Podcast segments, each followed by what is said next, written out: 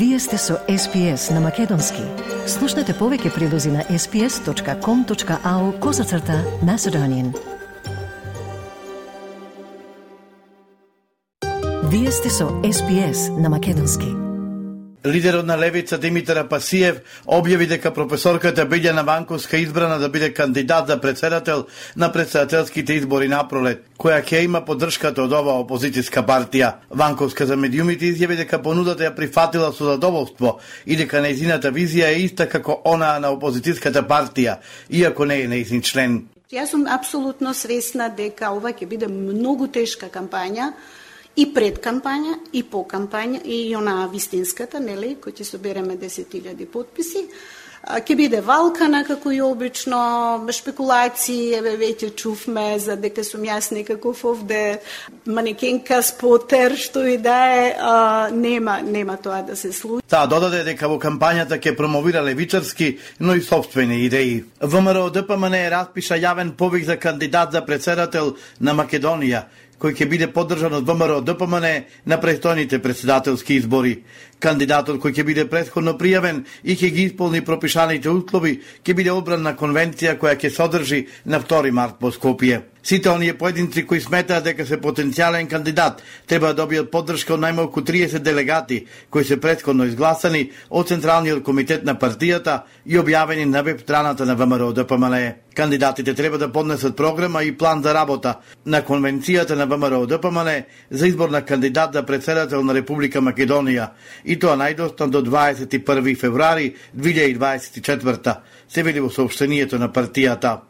Албанец може да биде на функцијата председател на државата, но мора да има и поддршката од сите етникуми, одговорил председател од државата Стево Пендаровски во интервју за Euronews Албанија на прашањето за можност Албанец да ја преземе функцијата председател во Македонија. Поред него етнички албанец не може да биде шеф на државата без гласовите на сите етникуми. Цитирам, Избран бе благодарение на гласот на сите гласачи од сите етникуми, вклучително и на македонците, кои го сочинуваат најголемиот број во државата, се разбира. Значи тоа се избори на национално ниво. Зошто да не биде албанец председател, но мора да има поддршка од македонскиот и другите неалбански етникуми. Етнички албанец не може да биде председател на Македонија без гласовите на сите етникуми, рекол Пендаровски за Euronews Албанија. Шест од осум пратеници на Алијанца за албанците се на страната на председател на Централното собрание Зијадин Села, што значи дека владиното мнозинство во парламентот е сигурно и дека двајцата министри од Алијанца за албанците што застана за лидерот Армен Таравари ќе бидат разрешени. Владата предходно ги разреши директорите на акционерското друштво Македонски пошти и на Агенцијата за трански инвестиции и на нивно место именуваше кадри што се поддржувачи на села поради информациите на Слободен печат, Илир Демири, директор на Тетовската болница, ќе биде предлог за нов министр за здравство, а Наим Берами, поранешен партиски портпарол, треба да го води ресорот информатичко обштество и администрација. Арбен Таревари сака да го претрка Зијадин села и денеска во Куманово ќе го држи Централното собрание на партијата за да докаже дека го има мнозинството во партијата, кој е застана за одлуката на партискиот лидер за изборен настап со опозицијскиот Европски сојуз за промени од таборот на села, со станок свикано Таревари, велат дека е нестатутарен и дека не станува збор за Централно собрание, туку за средба на председател на партијата со членови на највисокиот партиски орган. Вчера се очекуваше техничкиот премиер Талат Джафери да ги добие предлозите за разрешување на министрите за здравство и за информатичко обштество Фатмин Меджити и Азир Алиу, кои се одредовите на Алијанса, како и предлозите за нови министри. Поред избори од власта, Собраниската седница за разрешување на Меджити и Алиу и изборот на новите министри најверојатно ќе биде в петок. Двајцата министри пак беа децидни дека сами нема да поднесат оставки. Евроамбасадорот Дейвид Гир порача дека е загрижувачка слабата имплементација на препораките на Државната комисија за спречување на корупцијата. Тој потенцираше дека сите препораки на комисијата, како и на државниот ревизор, не се тајни, туку се јавно достапни и граѓаните очекуваат истите да бидат доследно имплементирани. Украинската православна црква која е признаена од Вселенската патриаршија и од уште три грчки православни цркви е главната пречка за застој на преговорите меѓу Македонската православна црква Охридска архиепископија и Вселенската патриаршија за добивање официјален томос за автокефалност на нашата црква. Ова за ТВ Телма по прв пат го откри господин Тимотеј, надлежен за Деборко Кичевската епархија, а воено и подпорол на синодот на МПЦОА. На прашањето каде заглавил процесот за добивање на најавениот томос за автокефалност од Вселенската патриаршија, со оглед дека поминале две години од како Српската православна црква ни издала томос, а Вселенската патриаршија канонски ја прифатила нашата црква.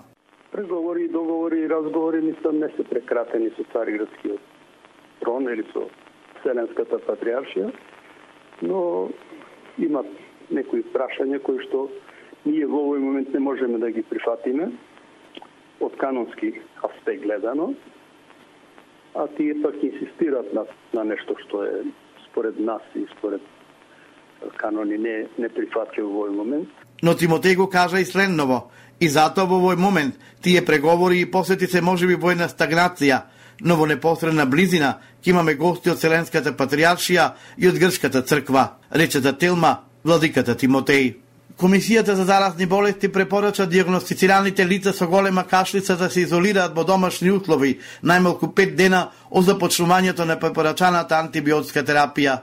До сега регистрирани се 18 случаи на голема кашлица во земјава, од кои 16 се во Скопје. Има и возрастни и деца, некои од нив хоспитализирани на клиниката за детски болести. Големата кашлица, исто така позната како магарешка кашлица, е најопасна за малите бебиња и малите деца, кои не се вакцинирани и трае 100 дена. Председател на комисијата доктор Александар Петличковски на пресрече. Се одлучивме да предложиме да препорачаме да прогласување на епидемија за град Скопје. Ова звучи малку страшно епидемија, но реално треба да ни олесни во справување со ризикот кој доаѓа со болеста големи кашлици.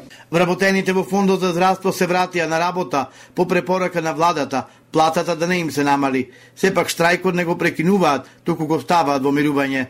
Председател на синдикатот на УПОС, Трпе Дејановски, објасни дека штрајкот е во мирување, бидејќи одлуката се задржат декемвриските плати не важи до крајот на годината, туку до крајот на мај.